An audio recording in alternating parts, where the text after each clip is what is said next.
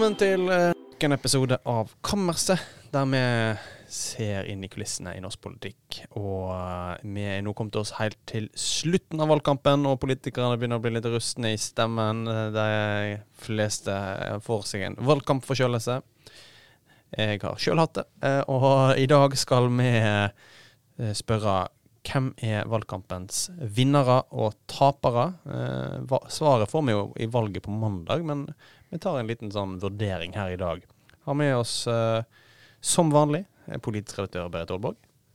Hei, hei. Nyhetsredaktør Lars Inge Staveland. Hei. Og før vi går inn på kammerset Og jeg heter jo da Emil André Erstad, kommentator. Eh, og før vi går inn på kammerset, så skal vi ha en liten tur inn på forværelse.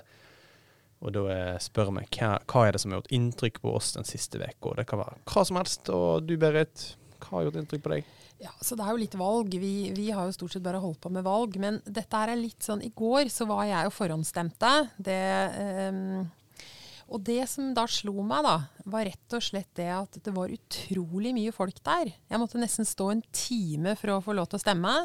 Og det syns jo jeg som er en eh, politisk nerd var veldig kult. Eh, og det var åpent til klokka sju, og jeg spurte de som sto der, lukker dere dørene nå? Så sa de nei, alle som står i kø nå får stemme, så vi kommer sikkert til å holde på her til klokka åtte. Så det var bare utrolig mye folk. Og så i tillegg så har det jo faktisk vært over 90 000 forhåndsstemmer på kirkevalget. Så begge de to tingene syns jeg er artig. Det virker som folk engasjerer seg. Så gjenstår det jo da å se om dette betyr at det blir flere som stemmer totalt. Det kan jo rett og slett bare hende at folk forhåndsstemmer, og at det er færre som stemmer på selve valgdagen. Men vi får håpe det betyr høye valgtall på begge steder. Og det er jo meldt uh, fint vær på mandag, uh, som kan være dårlig for valgdeltakelsen. Det er jo ulike teorier om. eh, Det kan jo sikkert slå litt begge veier, da. Ja, det slår, teoriene har vel vært at ved veldig dårlig vær så går ikke folk og stemmer, og ved veldig fint vær så går heller ikke folk og stemmer. Ja, så hvis det er sånn greit vær, så går folk og Det er sånne ting som vi liker å snakke om. Mm. Men jeg har ikke noe svar. Nei, vi har ikke noe svar. Nei. Eh, men du Lars Inge, du har kanskje svar på hva som har gjort inntrykk på deg den siste uka? Eh, ja, da, tror jeg må være eh, vårt land sin Altså min første oppleving med en eh, liten sånn kirkevalgskandale uh, syns jeg har vært festlig å, å, å, å lese om. Uh, og det har vært eh, saken om at eh, en som sto på lista til, til bønnelista, deltok i eh, en koranbrenning. Eh, dette har vi skrevet flere saker om. Eh, og eh, kirkevalget for meg har vært tidvis noe litt sånn underlig. Nå har jeg ikke jobba i vårt land mer enn ett år. Jeg har prøver alltid å stemme i kirkevalget, men det er ikke alltid jeg har fått helt oversikten over hvem jeg har egentlig stemt på. I år så var det et par ting. Det var jo selvsagt vår valgomat. Eh, og så var det muligheten til å stemme digitalt, eh, som jeg har gjort. Og så var det denne, denne bøndelistesaken, da. Eh, som eh, ja, som var, som var litt interessant. Eh, møte i mm, Kulturkrigens møter med, med, med, med kirkevalget, rett og slett. Veldig spennende. De har da selvsagt må jeg si at de har tatt, de har tatt veldig tydelig eh, avstand fra koranbrenning i bøndelista. Det har de gjort. Og denne episoden her, den kommer jo fredag. Det er eh, da én, to, tre dager eh, til valget på mandag. Og Så begynner jo mange å stemme på det ordinære valget også på søndag. ja. Men har du ennå ikke tatt eh, vårt lands kirke, uh, kirkevalgsvalgomat, eh, så kan du gjøre noe. Um, og sjøl så vil jeg si at det som gjorde mest inntrykk på meg den siste uka, var valgresultatet i skolevalget. Jeg syns spesielt eh, noen underkommuniserte ting. Jeg skrev sjøl en kommentar om hvordan Frp og Høyre sto for en eh, konservativ eh, revolusjon. Eh, men eh, Og dette må vi jo prate mer om etter hvert. ja, vi skal, vi, skal inn på det, men, men eh, altså at KrF, altså KrFU eh, sine debattanter, hvis dere ser inn i, bak, inn i tallene, liksom, f.eks. i Møre og Romsdal, så har jo KrFU på enkelte skoler, helt, altså ikke kristne skoler, men vanlige offentlige skoler, fått eh, oppslutning på 15-20 eh, Så det har skjedd noe i KrFU.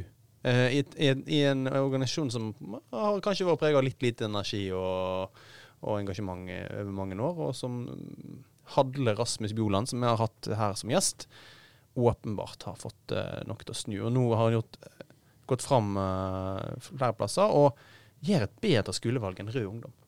Det er verdt å, å merke seg. Det er jo fortsatt ikke bra, men, eh, men å gå fram i et skolevalg for KrFU, det har ikke skjedd så mange ganger de siste årene, valgene.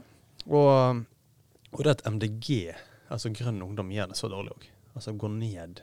Eh, De, de blir skrella vekk i skolevalget. Går ned til tretallet og ned over 7 Jeg, jeg syns det er eh, noe Oppsiktsvekkende. oppsiktsvekkende. Noe som er verdt å eh, utforske mer eh, og snakke mer om. Men jeg kan ta det etterpå. Eh, nå skal vi inn i eh, kammerset. Og der skal vi kåre valgkampens vinnere og tapere. Eh, men altså hvis vi nå skal liksom ta status på valgkampen akkurat nå, i dag, fredag Det er Partiene skal inn i den siste helgen. Berit, hva er temperaturen? Nei, altså Først så må vi jo si det som både du og jeg har skrevet en del ganger gjennom eh, valgkampen, at det har vært litt veldig annerledes valgkamp. Hvor, de, hvor det ikke har vært noen liksom, store, sentrale ska saker som har liksom, prega valgkampen. Det har vært mye lokale saker. Men så har det jo vært noen sånne semi semisentrale saker, da, ikke sant? sånn som Melkøya har jo vært en gjenganger. Og så har det også vært alle disse habilitetssakene som har rulla godt med regjeringspolitikere. Og nå, nå i denne runden her Anniken Huitfeldt som eh, måtte ut og beklage. At Men mannen hadde kjøpt At aksjer? mannen hadde kjøpt aksjer, og at hun ikke visste om det. Vi, ikke, vi bør ikke holde på lenge med den saken der. Men, men det har liksom vært de sentrale sakene. Ellers har det vært mye lokale saker. Og så ser vi jo nå ganske overraskende at Høyre har falt veldig kraftig. Mange trodde jo at det ville skje, fordi at eh, Høyre lå kanskje litt unaturlig høyt. Og når det nærmer seg valget, så, så vil liksom folk, de som sitter på gjerdet, vil, vil gå ut og stemme. Og det ser vi kanskje det virker som om Arbeiderpartiet, i hvert fall i noen byer og noen steder, greier å komme seg litt opp, mobilisere litt. Mens Høyre som har vært fullmobilisert, har kanskje gått litt ned. Og så har vi jo liksom opp og ned for en del av disse småpartiene. Så det kan jo i mange kommuner så kan det bli ganske vanskelig å danne flertall, for det er så mange partier med i bildet. Så det er jo liksom eh, Det er liksom statusen nå, da, tenker jeg. At det er jo litt uoversiktlig. eh, mye bevegelse, men liksom ikke ett stort parti som soper til seg alt, men mange små som gjør det. Ja, altså, Den store makrotrenden nå gjennom de siste ukene i valget har jo vært vel at eh, Høyre, som har ligget an til eh, ekstremt godt valg og enkel maktovertagelse i de store byene, plutselig kanskje ikke lenger engang sikre på å kunne få makta i Oslo, Bergen, Stavanger, eh, Trondheim. Ja, altså, nå, nå må vi huske på at Høyre kommer mest sannsynlig til å bli det største partiet eh, for første gang på, på, på 100 år. Eh, så den lange valgkampen Vi skal snakke om valgkampens vinnere. Eh, så hvis vi skal litt inn på, på det altså eh, I den lange valgkampen så er det jo vanskelig å, å beskrive Høyre som noe annet enn en suksesshistorie. Men den langt. lange valgkampen, da snakker du om valgkampen Den lange siden- valgkampen, da tenker jeg iallfall hele dette året. Mm. Eh, og hvordan Høyre har i grunnen eh, ser ut til å ha kjørt veldig hardt på, på styringsdyktighet. da, eh, Og kanskje litt sånn Erna Solberg-nostalgi. Eh, eh, og det har jo, har jo fungert. og Så gjenstår det å se hvor, om de lander på, på 23 eller, eller 26 eller 28% som vil jo på en måte Men om de lander på 23, da, eh, Lars Inge, som ikke er helt utenkelig, og Arbeiderpartiet lander på 23,5 eh, Ja, det, det er jo klart at Høyre sin valgkamp Da er jo den katastrofal, den valgkampen. Ja, men det er veldig litt sannsynlig, sånn som det ser ut nå. Det er jo ingen målinger den siste tida som tyder på at Arbeiderpartiet blir et større parti enn Høyre. Så, så jeg tror nok eh, Høyre er jo en suksesshistorie. Men så er det jo, det er jo litt spennende, fordi at Høyre gjorde det jo så veldig godt på skolevalgene. Mm. Og det er jo en sånn trend. ikke sant? Vi pleier å si at de har veldig harde utslag, disse skolevalgene. Og så er det ganske mange ungdom der som ikke har stemmerett, og som kanskje ikke stemmer på valgdagen. Så det er klart at de fleste tror vel at Høyre vil gjøre et rimelig godt valg, og kanskje bli det største partiet. Men jeg syns at Erna har vært bitte lite grann prega av at, det er, at Høyre taper eh, stemmer. Og jeg, hvis vi ser tilbake to år i tid, så hadde vi jo den situasjonen der hvor Trygve Slagsvold Vedum hadde ligget voldsomt høyt. Vi, eh, politisk journalistikk kaller det ofte for tidlig for, altså at man ligger tidlig på en formkurvetopp. Mm. Og litt, ikke helt det samme ser vi nå, men litt av det samme ser vi nå. At de har trukket til seg mange som kanskje i protest også har sagt at de vil stemme eller stemme Høyre. Mm. Og så liksom mister de litt. Og så hvis du ser på debattene som har gått, så syns jeg eh, Erna Solberg er vanligvis en ekstremt god debattant. Mm. Og hun har ikke gjort det dårlig nå, hun har gjort det ganske bra. Men det er som hun har litt sånn virker litt urolig, og ve veldig mye står på spill for henne nå i forhold til en del andre valgkamper, syns jeg hun er prega av. da. Og så hadde vi jo i helga, eller nå de siste dagene, skolevalget, og, og, der Ola Svenneby, leder i Unge Høyre, gikk ut og sa at uh, generasjonen Thunberg er forbi eller død, eller uh, ja. Den, så var vel død, han sa. Død, uh, og, og og eh, det skapte mye rabalder. Eh, og istedenfor å få venstresida, sentrum-venstresida, og diskutere hva var det vi gjorde feil, så ble det mye sånn der eh, moralsk indignasjon over dette unge Høyre-lederen sa. Samtidig som at han eh, virka som at han måtte ut og, og beklage dette. Så jeg fikk nok beskjed internt i Høyre om at dette kanskje ikke så helt bra ut. Eh, Høyre ønsker jo å framstille seg sjøl som et klimaparti, de òg. Og, og eh, spørsmålet er den eh, eh, Pyrrhos-seieren som eh, Ola Svenneby vant i, i eh, skolevalget, kan den ha vært med på å ødelegge litt for Høyre inn i, i eh, helga nå, der velgere som er opptatt av klima, møter Høyre-politikere på stedet og sier men er ikke òg opptatt av klima? Selv om poenget til Svenneby var at Høyre òg er opptatt av klima. Ja, et såkalt godt spørsmål. Eh, ja, det er, veldig, det er, et veldig, godt spørsmål. Altså. Det er jo litt sånn at um, det er klart at Høyre er opptatt av klima, men det som Svenneby eh, Hvis vi skal tolke det han har sagt, og hvis han, vi også skal ta på alvor det han har sagt, mm. så var vel han opptatt av at den aksjonisme-klimakampen ikke er liksom det Unge Høyre ønsker å drive, mm. men en mer sånn saklig, politisk orientert eh, klimakamp. Og, og veldig mange unge i hvert fall, som har sittet inne på rommene sine gjennom hele koronaperioden, er kanskje ikke, de er kanskje ikke like sånn aksjonistprega da, som de som øh, blei liksom akkurat voksne noen få år før. Så, men, men, det er jo spennende å se om folk har forstått han riktig, sånn som han mente det, eller om noen tar avstand fra det. Men, jeg, bare sånn eh, jeg tror kanskje vi som sitter og mener ting om valget, har en litt tendens til å fokusere veldig på de store trendene, og glemme litt de det er på en måte sølvplassen, de som er nummer to. Altså I forrige stortingsvalg så var det òg en sånn debatt om dette var, dette var et klimavalg eller ikke. Og så husker Jeg liksom, jeg vet ikke om dere husker oljebrølet som dukket opp som en reaksjon eh, etterkant. Som var med på å gi Fremskrittspartiet ganske vind i seilene? Ja, ja, ja. Eh, men det, der var det òg ungdom. Eh, så det har vært, krim, det har vært klimaskeptisk ungdom eh, flere ganger. Og de store hva skal jeg si, klimabrøl eh, Altså de, de, gangene det er tusenvis av personer som går ut i gatene, så, så er det en mobiliseringsbølge som går over. Men det betyr ikke at engasjementet både for og imot klima kan være sterkt hos ungdommene. Kan være mer stabilt enn vi har trodd, tror jeg. Men jeg tenker i hvert fall at Høyre sin valgkamp, hvis vi skal konkludere på den, så tenker jeg at den har vært ganske mislykka. Eh, sånn den valgkampen som har eh, gått fra eh, hvis vi regner den litt strengt fra Arendalsuka til eh, valgdagen. Eh, et parti i en valgkamp skal øke oppslutningen, men problemet til Høyre, som vi òg har skrevet i flere kommentarer både du og jeg, Berit, er jo at de var allerede mobilisert for fullt før den tida. Og, og, det var kunstig høy oppslutning. Eh, og da blir det vanskelig å gå inn i en valgkamp og fortelle velgerne eh, hva du vil.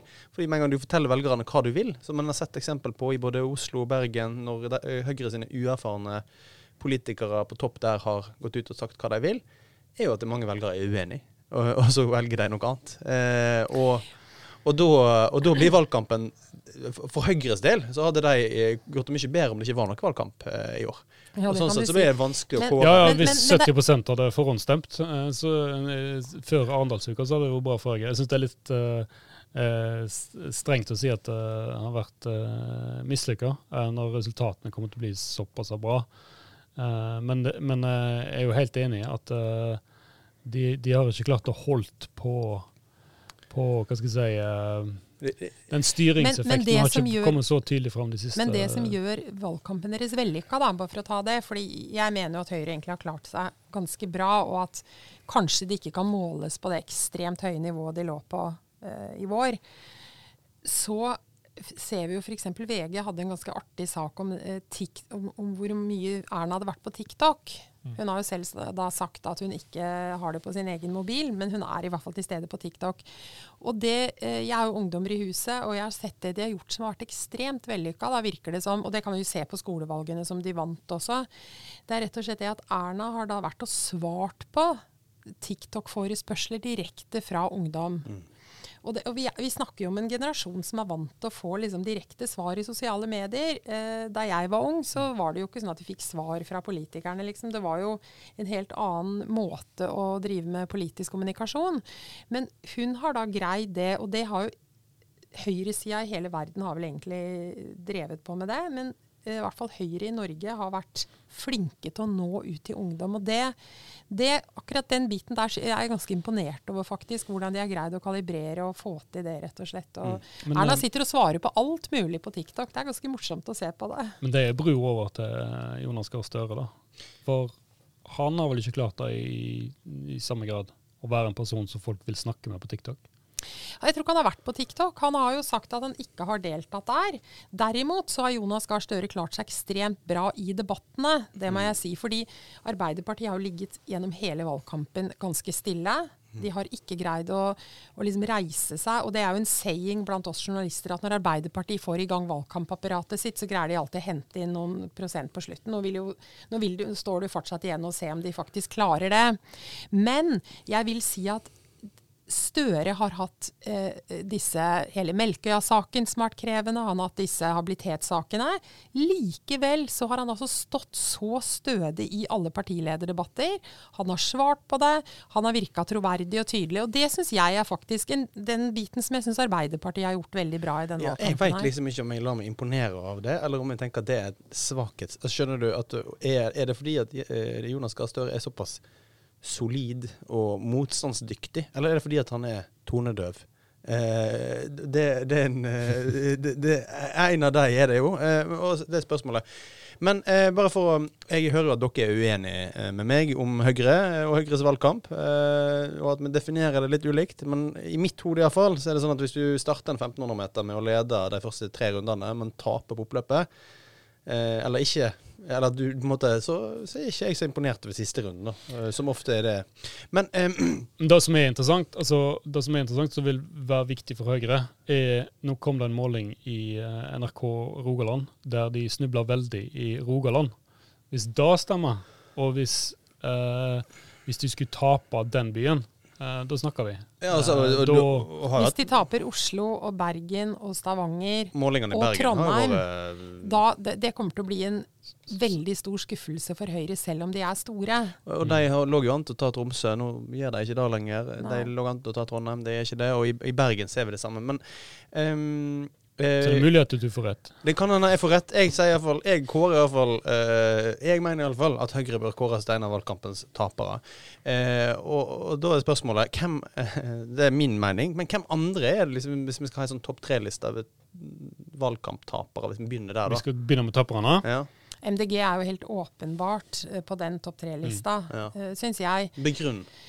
Nei, hvor skal jeg begynne, holdt jeg på å si. Eh, de- gjør det jo veldig dårlig. Og de, den gruppa som de har hatt et ordentlig grep om, ikke, ikke sånn veldig mange i den store politiske sammenhengen, men de har hatt en god appell til ungdom. Og de gjorde jo et kjempedårlig eh, skolevalg.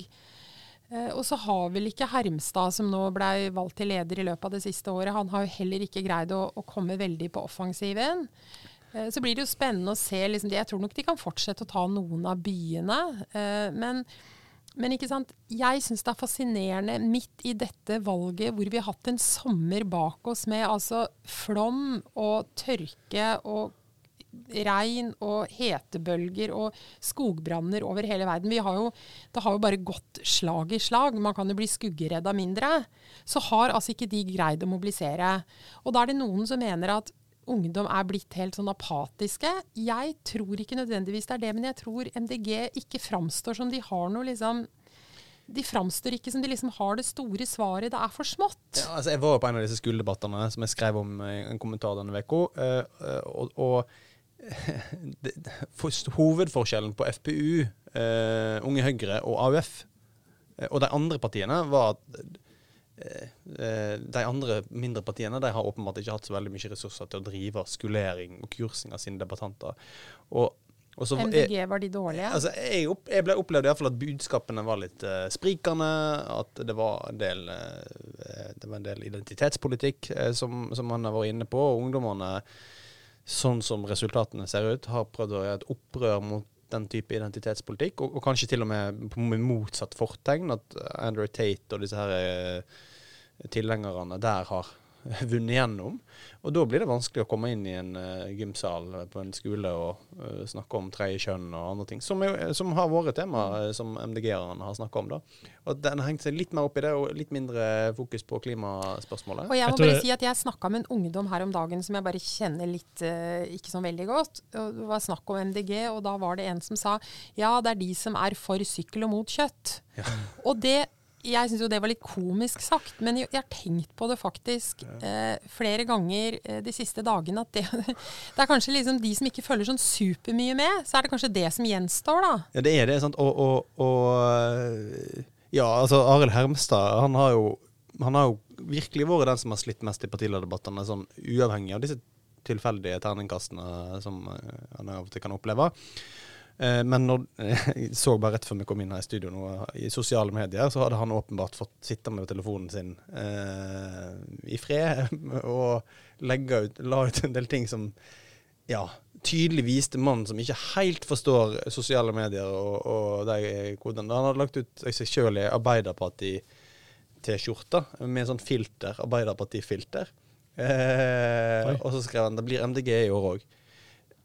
Jeg vet ikke, jeg, jeg forsto ikke helt humoren eller uh, ja. poenget. Og, og, så hadde han nok et, et bilde, en bilde av seg sjøl med sånne MDG-solbriller. Uh, nei, det var et filter, det òg. Og, og, jeg vet ikke. Jeg, jeg syns det var talende for hans valgkamp. Og så hadde de jo Une Bastholm tidligere, som var veldig flink. Ja, det er stor forskjell. Så det er stor forskjell. Han sliter med roller, iallfall.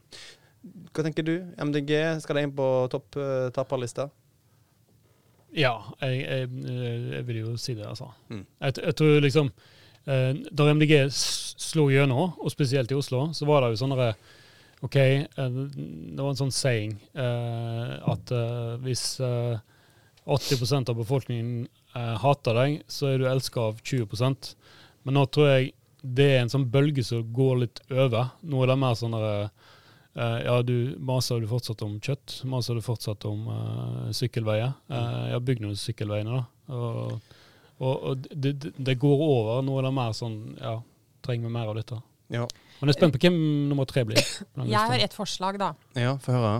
Jeg mener jo at Senterpartiet har, og de har jo faktisk falt veldig mye de var jo sånn nesten an I fjor da, så lå de jo an til å bli vinnere og var oppe i 20% og så falt de veldig. Og så har de ikke greid å reise seg.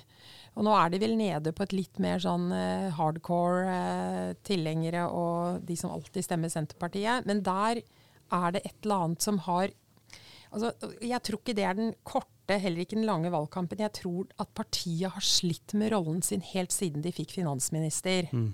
Fordi at det blei en sånn ordentlig glipe mellom den rollen som eh, Vedum hadde da når han var en sånn litt bøllete opposisjonsleder, hvor han kjørte på med masse utspill og tok masse velgere fra Frp og sånn, til han plutselig skulle sitte og være liksom Norges mest ansvarlige politiker, som det finansministeren er. Kutt i, i budsjetter og forsøke å forklare hvorfor man ikke hadde penger til ditten og datten. Og det var nesten sånn, det var nesten som man ikke kjente mannen igjen. Mm. Og jeg tror jo først av alt at det var en tabbe at han tok den jobben. Han burde heller tatt en jobb hvor han kunne i hvert fall beholdt litt mer av den rollen. Og jeg tror det har vært ganske viktig for at Senterpartiet har falt. fordi mange trodde liksom at de skulle få, få noe annet enn, det de fikk.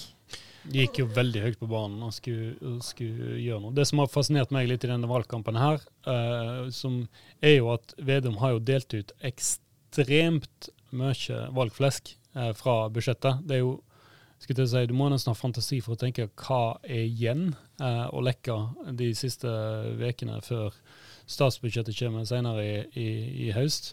Og så er spørsmålet, har, har, har de virka på nasjonalt nivå? Fins det en eller annen sånn kan hende de fungerer bedre lokalt, men ikke vi har fått det med oss. Eh, Altså, eller, eller har det rett og slett uh, uh, feila litt? Altså, det er jo Altså, Melkøya har jo ikke fungert. og det var jo ikke noe Det var en Tvert imot har beslutning. det vært en katastrofe. Og, og den viser jo det du er inne på, Berit. sant? Senterpartiet i opposisjon versus i posisjon. Men sånn som i går, når Senterpartiet lanserte nye penger til Eller i forgårs, tid det var eh, nye penger til Stad skipstunnel, så tror jeg det er noe som har ekstremt god virkning lokalt i Senterpartiet. I, I et område som Senterpartiet egentlig har slitt litt eh, tidligere, i ytre deler av Sogn og Fjordane. Eh, det er ikke der de har hatt best tak. Um, så jeg tror det er lokale effekten av disse Senterpartipengene, og det er jo derfor Senterpartiet er til. Ja, Det er jo for å reise rundt og gi penger til ulike lokalsamfunn. Det er jo hele eksistensgrunnlaget. Så jeg tenker at eh, det må jo ha en viss effekt. Så jeg, hvis det kan gi litt motstand til eh, din eh, taperteori, da, Berit, Berit om Senterpartiet, så, så syns jeg jo de har fått valgkampen flere ganger til å handle om sine saker. Det har nå handla om eh, politikontor. Eh, glitrende Senterpartisak eh, å få opp opp i men det er jeg ikke uenig i, altså. Og der vi, vi ga jo òg støtte til eh, Senterpartiet i den saken eh, om at eh, på lederplass i Vårt Land, om at lokale politikontor, som Politidirektoratet ikke har anbefalt at skal komme, de har ikke anbefalt å bruke de ressursene fordi de mener det er politifaglig vurdering og ikke bruke eh, ressurser på nye politikontor der langt unna de eksisterende kontorene. Eh, men, men da har vi sagt, og Senterpartiet sagt, at eh, eh, dette er jo politisk prioritering, og Politidirektoratet driver også med politikk når de sier at eh, de ikke vil ha dette. Men, men jeg tror det handler jo mye om det her. Jeg, jeg, jeg syns at Senterpartiet faktisk har fått veldig mye gjennomslag i regjeringa. De har hatt mange saker der hvor de har kommunesam... Nei, altså mm, sammenslåingssakene, som jo kanskje ikke har blitt en fordel for dem, men i enkelte områder tror jeg også den er det. Men jeg tror det handler mer om i nyere tid så har det blitt flere partier som går veldig veldig høyt på banen i opposisjon. Og det må de kanskje gjøre liksom, for å få velgere. Vi har Senterpartiet sist. Vi har også hatt Frp som har gjort det samme. SV gikk jo inn i regjering og falt voldsomt. Så jeg tror at av og til så handler det litt om å ha litt sånn magemål i valgkampen.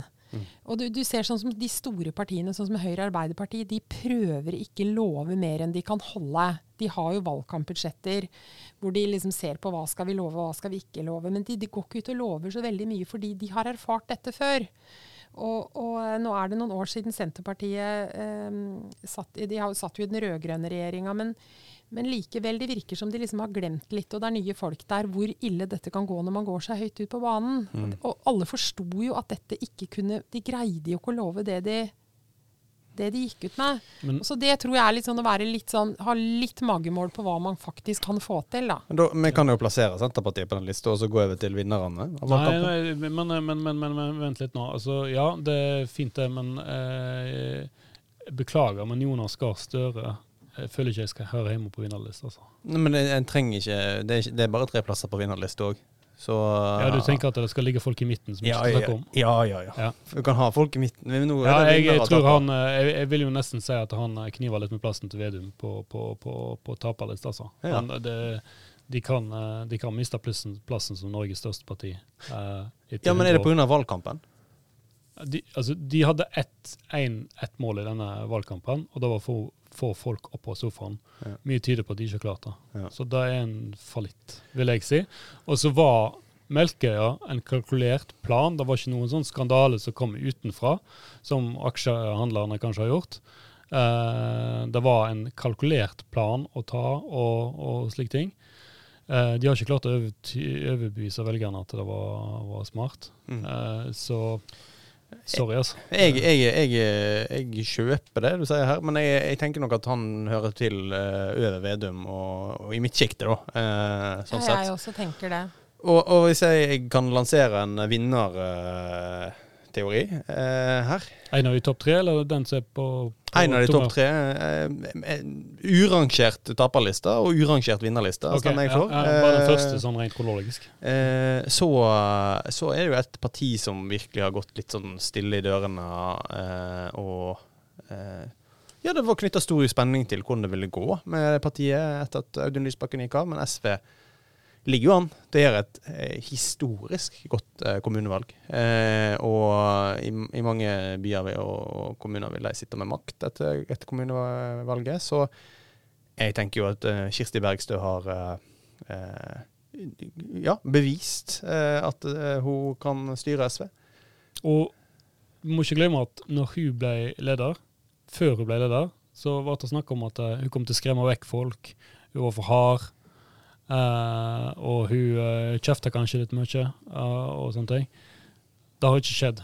Hun har, uh, hun har vist seg å være en, en suksess for partiet. Ja, jeg syns også at, er, at, SV har gjort det veldig bra. Og jeg tror på en måte at altså, alt det der med at hun skremmer bort folk og er for hard og sånn, det har jo vært vår, vår bransje som har liksom også pekt på det. Mm. Og det er jo liksom litt sånn av og til så glemmer kommentariatet da, at det ikke nødvendigvis er meg denne personen skal på en måte appellere til, men det er den velgergruppa. Og hun har jo da vært tøff uten å virke polariserende. Hun har vært tydelig. ikke sant? Det var jo når hun var i en av disse partilederdebattene, det var da hun sa at røkka rana i kysten, ryk og reis og hele den pakka der. Det var landsmøtetalen. Landsmøtetalen, ja. unnskyld. Jeg som blander. Um, og det hørte jeg flere SV-ere etter hvert som syntes var veldig tøft at hun sa det. Og hun har en helt annen Jeg tror nok Audun Lysbakken og Kari Kaski, Kari Elisabeth Kaski, som var Kaski var jo en av de som man tenkte kanskje kunne gjøre det bedre. Hun er litt mer sånn spiselig allround-politiker. Mm. Men det er noe med å finne liksom en som representerer det segmentet, og det tror jeg, det tror jeg at hun gjør. Altså. Altså, hvis vi kommentatorer skulle stemt, så hadde jo sendt, nei, eh, partiet Venstre fått 90% oppslutning. Så det, det, det, er, det, er, bra for alle at det ikke er sånn. Eh, og, og, så eh, ikke, ikke, du da, Berit, kanskje? Nei. skal vi ikke snakke om hva vi stemmer, da. Men eh, jeg, jeg, skal heller ikke si hva jeg stemmer. Um, Eh, men jeg har faktisk ikke stemt, og ikke bestemt meg. Jeg har stemt, og jeg har stemt på to forskjellige partier, faktisk. Ja. På um, Oslo-lista og på bydelen min. Ja. Det, det, jeg tenker at jo nærmere man kommer på en måte sin egen bydel, da, by, bydelsutvalget, så stemmer man litt også på folk man har tillit til. Ja. Nå blir det spennende å se om Industri- og Næringspartiet kan uh, Slå igjennom på Nordstrand? Sanka gjennom noen stemmer på Nordstrand, ja. Nordstrand er veldig høyreorientert, har alltid vært det. Men, men, jeg har lyst til å si en ting til også, for jeg syns faktisk at Fremskrittspartiet har gjort det ganske bra. Ja. Fremskrittspartiet, Fremskrittspartiet Sylvi Listhaug har gjort en kjempevalgkamp. Ja. Hun har gjort en kjempevalgkamp, og de har altså greid å karve seg litt inn i en sånn um, litt sånn en, en, gruppe partier som liksom er regna med i norsk politikk på et eller annet vis. Det er ikke sikkert alle liker det i Frp, altså.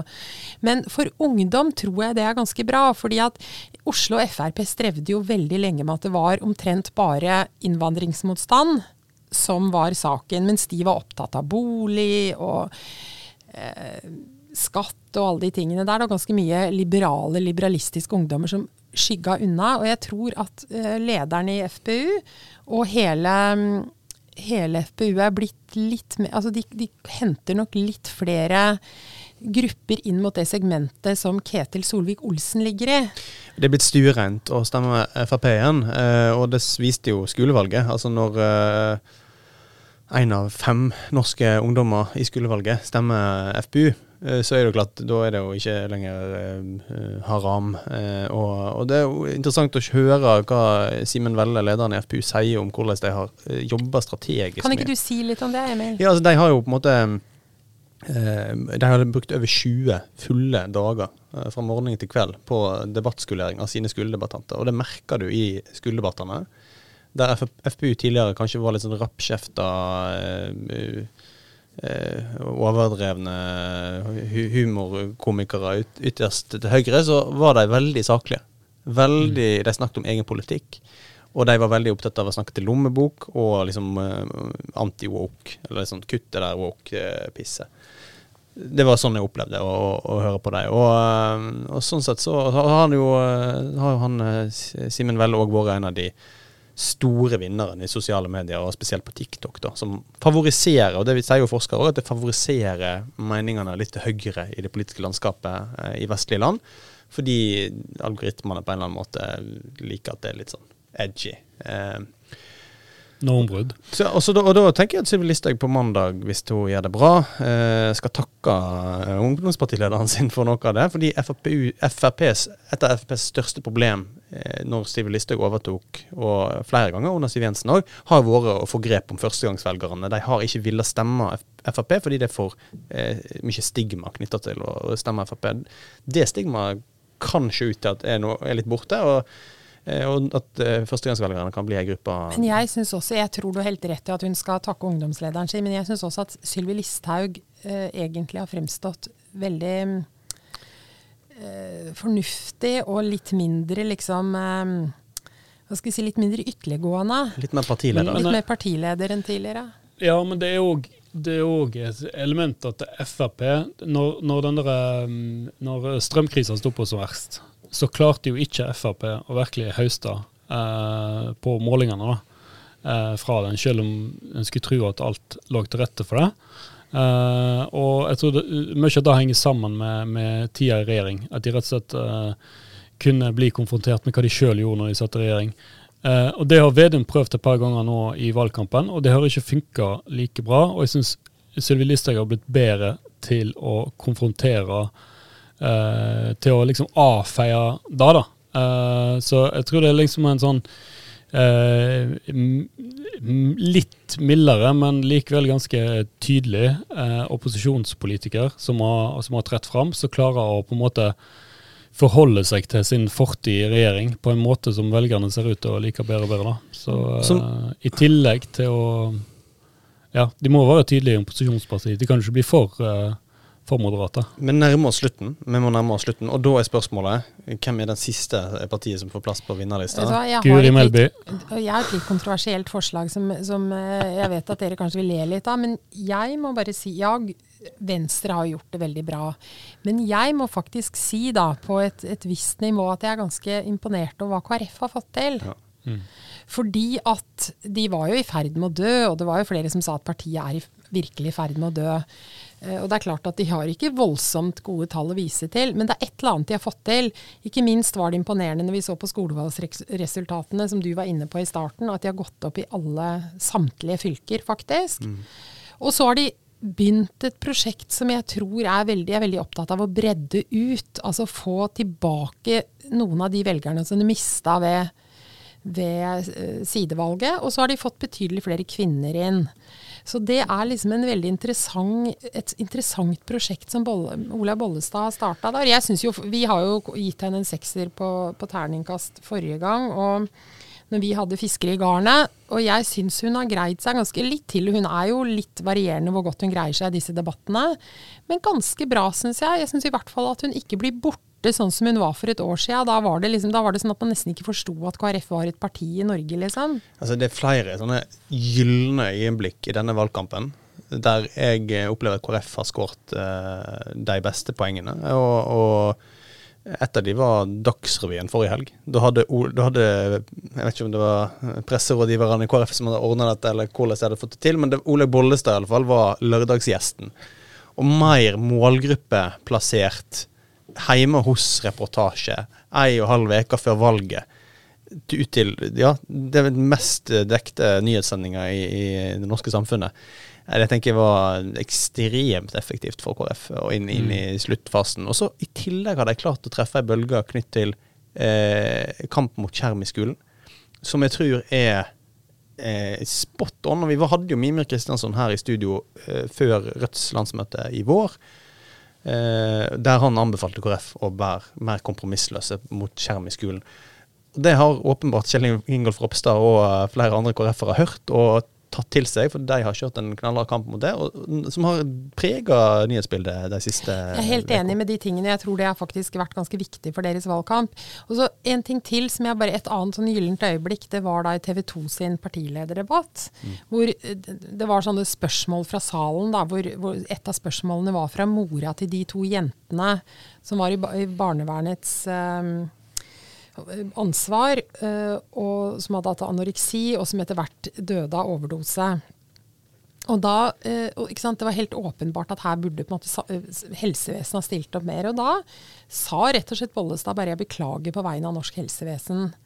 Og det var et sånn øyeblikk som det er så, Politikere ofte snakker veldig mye rundt, men hun bare sa det. Og jeg tenker at akkurat det statementet der traff veldig mange. At man følte at hun var veldig ærlig, da. Lars Mm. Inge Staveland. Skal jeg komme tilbake til, til, til Venstre nå? Nei, altså eh, KrF har gjort en, eh, en, eh, en god valgkamp. Så gjenstår det å se eh, hvorvidt de klarer det på nasjonalt nivå, eller hvorvidt det vil bli en, en bukett av gode resultater lokalt.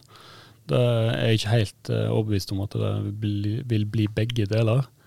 Um, så de eh, OK, nå ser jeg at eh, den lista består av Vinnerlista skulle bestå av, av tre partier.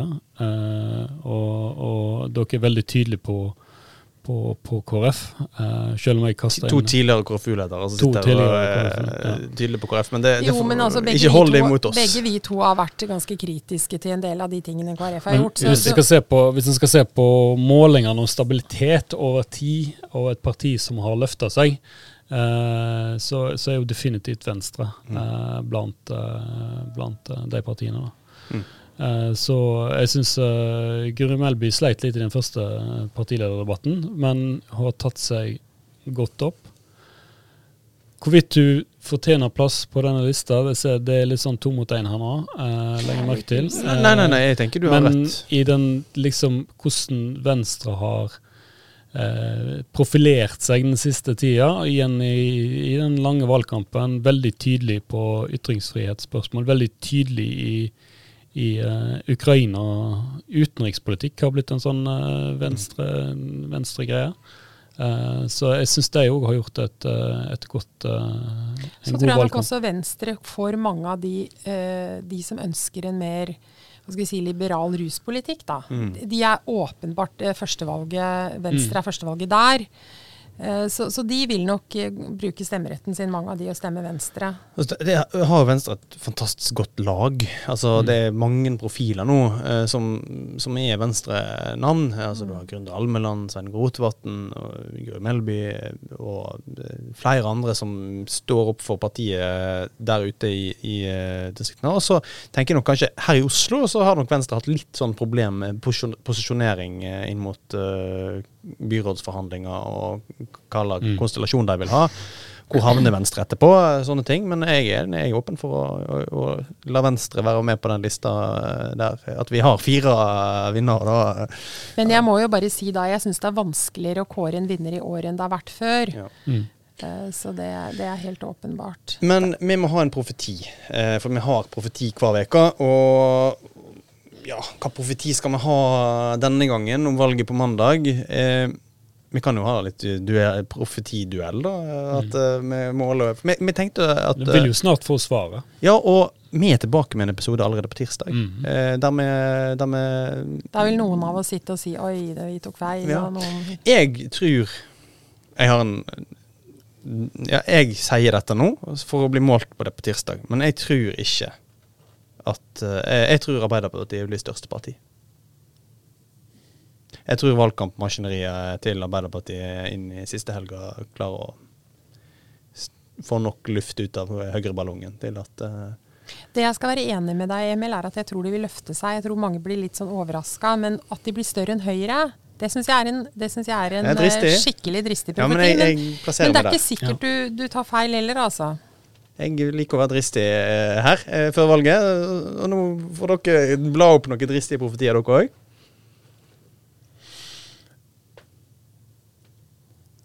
er det, det er mulig dristig eh, av meg, men jeg tror eh, kanskje SV og Rødt vil komme veldig tett på å bli like stor som Arbeiderpartiet i Oslo. Ja, lovende. Mm. Veldig tett på. Jeg kan være litt mer forpliktende, da. Uh, Du tror de blir like få høre OK, like store. Like hva, store. hva tall Like snakker vi da? Nei, det må bli jo like store som Arbeiderpartiet, og enkelte målinger satte Arbeiderpartiet ned på, på, eh, på 15, er det ikke? Det Mm. laveste i Oslo. Mm. Eh, så hvis vi sier 15 da, at eh, SV og Rødt til sammen kan nå 15% i Oslo For uh, Raymond Johansen del så er jo ikke det en helt forferdelig spådom, for det betyr jo at han fortsetter som byrådsleder, men uh, Nei, de kan jo sammen gjøre et mediokert valg, da, alle tre. Men Hvis alle forholdet på venstresida Hvis alle de har 15% så er jo, er jo nok Ja, ja, men, eh, men eh, det var ikke det som var min spådom. At de blir like store som de to. Berit.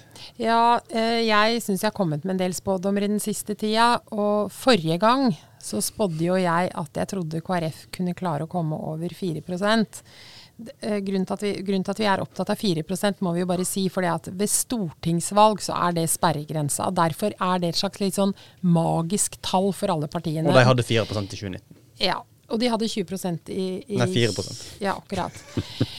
Men, eh, så det det betyr ikke egentlig noe nå om de er 3,9 eller Ja, det betyr jo litt for deres egen selvfølelse, men det betyr ikke, det er ikke noe magisk sperregrense nå. Men du vil ikke høyne Høyne den altså, spådommen jeg- om KrF litt? grann? Jeg, eh, jeg, down. jeg, tror, jeg tror faktisk de greier å vippe over 4 Hva tror Det- du blir tallet? Nei, det, og det greier jeg ikke å si, for det er så avhengig av så mange ting. Men jeg tror de vil greie det, og dette vil jeg bli målt på på tirsdag. Ja. Så det er jo spennende. Det, kan vi det få er tre dager. Hæ? Nei, hva skal jeg si da? Jeg tror eh, Nei, jeg vil ikke bli målt på det. Altså, jeg vil bli målt på om de greier å vippe over fire. Men la oss, hvis jeg skal tippe, da La oss si 4,2. Ok, det er spennende. Det ville jo vært uh, en, et, uh, en stor seier for Ole Bollestad. Sjøl med en sånn bitte liten oppgang, så ville det vært en oppgang fra forrige valg. Vi er i alle fall vei, veis ende, og vi sier tusen takk for at dere lytter. Vi er tilbake med en episode på tirsdag, dagen etter valget. Og send oss gjerne ris, ros, tips og innspill på kammersetalfakrøllvl.no. Så snakkes vi.